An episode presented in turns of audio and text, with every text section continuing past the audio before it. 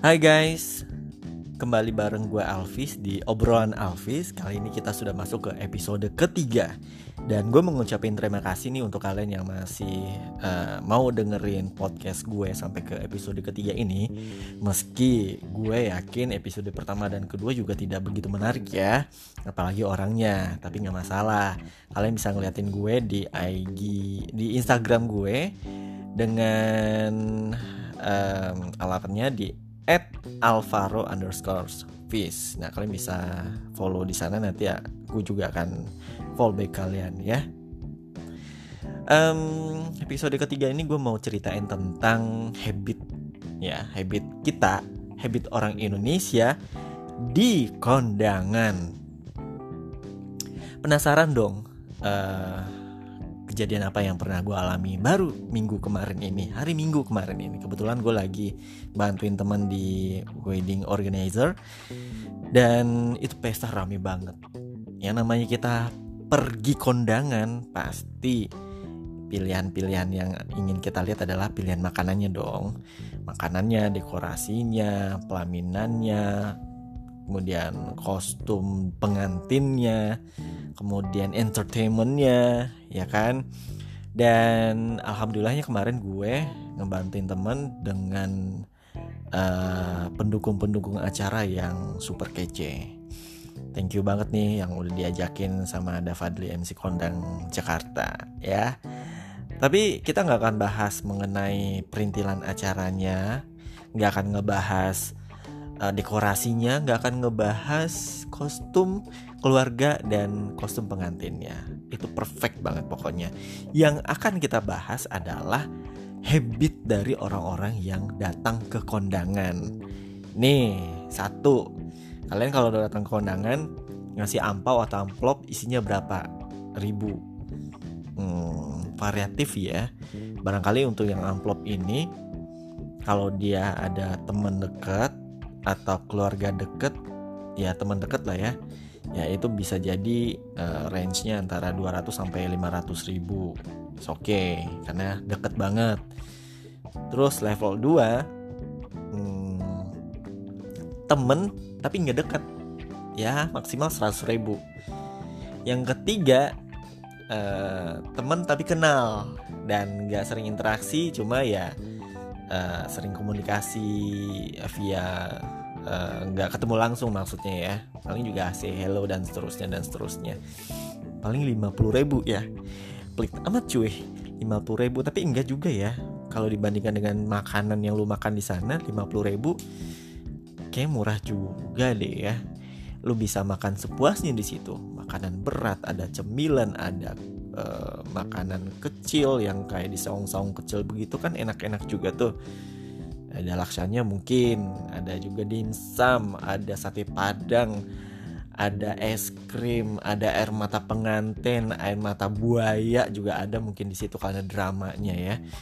Terus uh, makanan beratnya ada buah-buahan juga ada pudingnya juga ada eh, kue-kue kecil begitu kan lumayan ya. Lu cuma bayar 50 ribu. Hmm, enak banget tuh kalau gitu lu kondangan aja tiap hari nah itu tuh salah satunya orang-orang yang uh, berampau dengan uh, nominal-nominal tertentu ter tergantung dengan dekat atau tidaknya uh, kita dengan yang punya hajat itu yang pertama tuh habit kita tuh yang kedua habit di tempat wedding adalah nyitarin tempat makanan.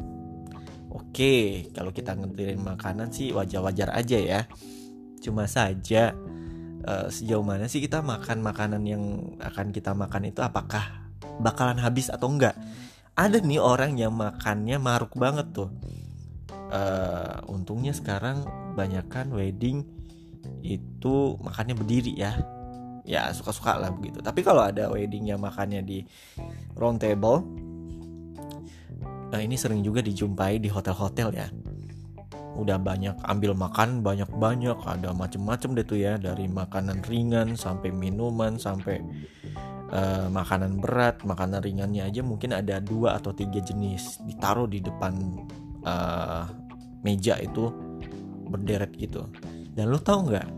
Itu mannernya nggak banget. Seolah-olah uh, rakus. Padahal itu sebenarnya kita bisa ambil makanan seperlunya aja ya kan uh, kemudian mau direfill lagi mau diganti lagi diambil nggak masalah bolak balik bolak balik tapi kalau misalnya lo ambil makanan semua jenis makanan lu taruh di depan lu itu nggak banget. Jangan pernah kalian lakukan itu di acara wedding mana pun ya. Apalagi di hotel berbintang. Lu kayaknya orang yang nggak makan sebulanan deh ya itu yang kedua manner yang bener-bener jangan sekali-kali kalian lakukan. Mending kalian bolak-balik bolak-balik ambil makanan ya nggak apa-apa. Terus yang ketiga sering kali ngelihat orang datang ke wedding itu dengan kostum yang uh, dalam tanda kutip nggak cocok dengan tema weddingnya. Kan ada juga tuh di undangan wedding itu disampaikan dress code ya kan? Dress code-nya apa?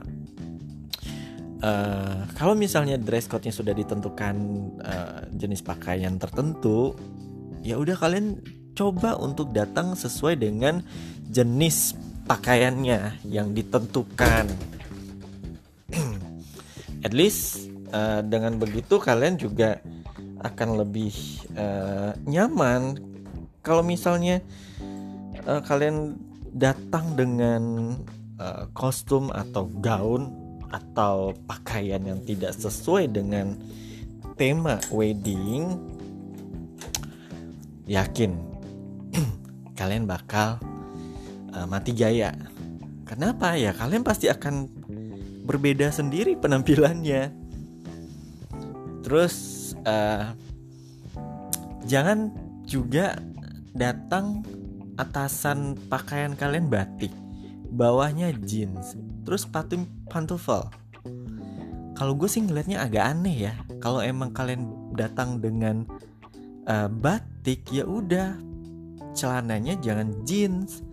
Mungkin dengan bahan yang lain yang lebih uh, terkesan lebih formal seperti itu. Kan atasannya juga udah formal kecuali kalian datang dengan uh, undangan yang dress code-nya juga tidak ditentukan tapi hmm, ya berdandan dengan berpakaianlah dengan sepantasnya ke wedding kalian bisa lihat referensi di Google, di Instagram, di Instagram fashion seperti itu. Lucu aja sih ya ngelihat orang yang datang ke wedding dengan tampilan pakaian yang gak cocok gak pantas gitu. Yang keempat hmm, ada masa di mana nanti kita setelah prosesi kedatangan dari kedua belah pihak atau kedua belah, kedua pengantin dan keluarganya kan ada kirap tuh kirap ngelewatin jalan karpet merah yang udah ditentukan. Lu jangan sekali-sekali ngelewatin tuh namanya karpet merah masuk ke dalam karpet merah. Kenapa? Karena itu diperuntukkan untuk kirap. Nah lu berdiri di dalam karpet merah itu. Lah kalau di depan itu ada prosesi tarian adat atau segala macem yang ada prosesinya itu penari pengisi acara kagak bisa gerak apa apa cuy lu jangan berdiri di situ ada nih mak-mak ya mama atau mbak-mbak gitu ya yang heboh aja tuh muter gitu ngelihat uh, pakai kamera atau handphone ngerekamin itu pengantin dan segala macam atribut pengantin sama pengisi acara. Lu tau gak sih, Bu? Lu itu ngerusak suasana sakral dari pembukaan acara wedding itu. Please, ya, itu yang punya hajat punya tim dokumentasi yang mereka bayar mahal untuk dapetin dokumentasi yang bagus hasilnya. Nah, lu warawiri di depan kamar, eh di depan kamar, di depan kamera si tim dokumentasi, si pengantin mikir itu bukan lu yang eksis. Ini sumpah gue kemarin ngeliatin yang begitu tuh. Nih ibu-ibu ya, udah ditegur bu. Ibu jangan muter-muter malah dia muter-muter di acara uh, prosesi perform penari. Dan dia di tengah penari piring gila nggak tuh? Aneh nih orang gue bilang gitu ya. Tapi itu bener ya. Itu tamu undangan banyak banget sampai uh, tim dokumentasinya tuh ngomel. Kenapa? Karena uh, kontennya itu rusak gara-gara ini ibu satu ibu ini dengan tongsis muter-muter. Allah Akbar. Buat kalian dengar kalau punya emak-emak atau kalian sendiri jangan lakukan itu. Kasihan pengantinnya. Mereka udah bahal bayar mahal itu dokumentasi kagak bisa ngambil angle yang bagus. Gara-gara itu orang muter-muter di depan kamera di prosesi itu. Itu baru nih ya prosesi masuk. Acara baru mulai si pengantinnya masuk udah. Yang kedua heboh foto-foto di depan uh, space untuk prosesi uh, hiburan tarian nih maksudnya. Dipanggil semua gerombolan uh, mama arisannya. Aduh ya ampun. Ini prosesi belum kelar loh. Belum sambutan dari ucapan dari pihak pengantin dan keluarga. Dan dia udah foto-foto selfie-selfie dengan tongsis dan dengan kemeriahannya di sendiri. Jadi gue bingung ini acara sesakral ini yang heboh kok dia sendiri? Gue ngeliatin pengantinnya kasihan gitu yang punya acara pengantin. Kenapa nih orang lebih heboh dari pengantinnya? Seperti itu ya. Terus yang berikutnya yang kelima eh yang keenam ya. Waktu antri uh, mengucapkan salaman tuh prosesi kan sekarang salaman di awal ya baru nanti makan atau boleh makan dulu nanti salaman setelah orang agak-agak sepi untuk menuju ke pelaminan. Nah di sana tolong deh buat kita nih yang datang ke kondangan yang mau ngasih ucapan selamat kita ikuti arahan dari pihak WO. Kalau antrinya satu baris ya satu baris, jangan rebutan di sampai ke uh, pelaminan. Itu pelaminan cuma buat berdua. Pasang pengantin sama dua belah pihak keluarga. Bukan untuk rame-rame. Ya kan? Lagi-lagi gue udah dapet dapetin nih orang mak-mak tadi manggilin semua orang yang dia kenal untuk nyerobot naik langsung ke pelaminan. Dan tamu-tamu lainnya itu udah antri dengan rapi. Gila nggak tuh sumpah orang-orang pada ngeliatin dia. Dan dia cuek aja.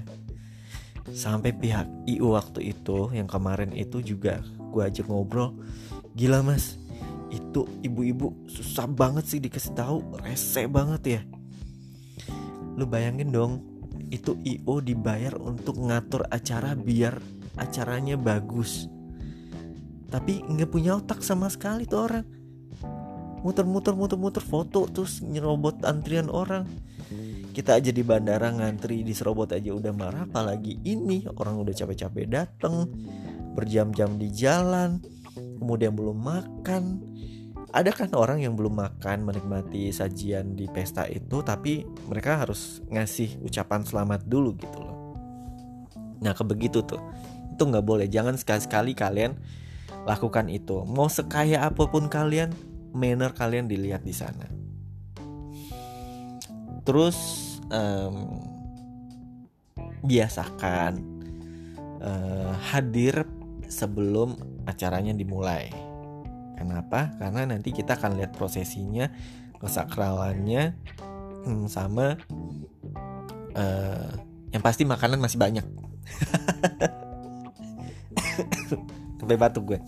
Ini buat kalian yang emang tujuannya mau nyoba ini kayak tester-tester acara-acara wedding catering catering gitu kan ya. Ya mau gue nggak apa-apa silakan. Kalian juga akan ngetahui oh catering ini enak catering ini nggak enak. Oh di sini catering ini enaknya ada di uh, makanan-makanan kudapan tradisional atau dan seterusnya. Nah itu kalian juga bisa experience di situ. Itu tuh yang bagusnya. Dan berikutnya yang kedelapan kalau uh, kalian makannya berdiri kemudian disediakan minuman kemudian ada tempat naruh piring kotor khusus please kalian jangan makan dengan naruh makanan di atas meja tempat piring kotor dan gelas kotor. Kenapa? Karena itu bakal menghalangi orang naruh tempat makan bekas uh, piring kotor dan gelas kotor di situ. Kedua, kalau kalian makan di depan atau di meja itu, kalian bakal ngehalangin petugas kebersihan atau petugas catering yang bertugas untuk ngangkut makanan bekas uh, piring kotor itu. Kalian bakal ngalangin kerjaan dia. Makanya makan boleh di mana saja tapi taruh aja di sana. Kemudian cabut jangan berdiri di sana nah gue sering banget tuh ngeliatin yang kayak begitu gue sampai mikir heran ya nih orang kok nggak ngerti gitu loh ini tempat apa bukan tempat makan tempat piring kotor Terus ada juga tuh yang habis minum kan ada satu meja yang tempatnya tempat minum tuh ya. Diambil minum, udah diminum terus ditaruh lagi di situ. No, jangan lakukan itu. Karena itu tempat minum yang bersih Yang ketika lo ambil, lo minum, lo taruh di tempat meja, tempat piring kotor tadi. Itu yang bener. Uh, Itu nih yang sering gue lihat nih ya di tempat-tempat wedding. Ya uh, sekaya apa pun kalian, kemudian sehebat apa pun pendidikan kalian, dan segonjreng apa pun pakaian kalian, kalau attitude kalian yang hal-hal yang sekecil itu, yang sepele itu nggak kalian jaga, kalian udah kayak nggak makan berbulan-bulan deh di situ. Dan itu pasti kelihatan banget. Um, terus uh, apa lagi ya? umumnya ya begitu-gitu sih ya yang agak-agak uh, miris ngelihatnya kadang juga oh iya aku gue baru ingat ya jangan pernah ngomongin makanan ini nggak enak di dekat keluarga pengantin di dekat uh, petugas cateringnya. Jangan sampai seperti itu. Apalagi di tamunya rame banget gitu. Jangan. Better lu nyari uh, kontak person itu catering. Kan ada tuh nomor handphonenya. Biasa ditaruh di kartu nama atau flyer atau apa di situ brosur. Atau lu minta ke petugasnya minta nomor WA yang punya catering. Lu ada tuh makanan ini ini ini di wedding ini ini pesanan ini, ini tanggal segini hari ini tuh ini kurang enak kurang ini kurang ini kurang ini. Itu jauh lebih baik daripada lu ngomong cuma ngebacot doang. Ya kalau gue ngebacot sekarang gue kan ngebahas hal-hal yang gak penting dan gak perlu dilakukan dan jangan dilakukan saat kalian datang ke wedding gitu. Um, itu aja sih gue pikir ya. Kalau untuk episode ketiga ini hal-hal yang jangan kalian lakukan saat kalian menghadiri wedding atau pesta. Oke? Okay? dan gue ucapin thank you berat nih buat kalian yang masih mau dengerin gue. Sampai ketemu di episode berikutnya dengan pembahasan habit orang-orang yang ada di sekitar kita. Gak berat-berat kok ringan-ringan aja ya dan silakan kalian follow instagram gue di @alvis underscore um, oh, sorry alvaro underscore fish ya. Alvaro-nya pakai F Fanta underscore Fish-nya pakai V. Oke? Okay? thank you. Sampai ketemu di episode berikutnya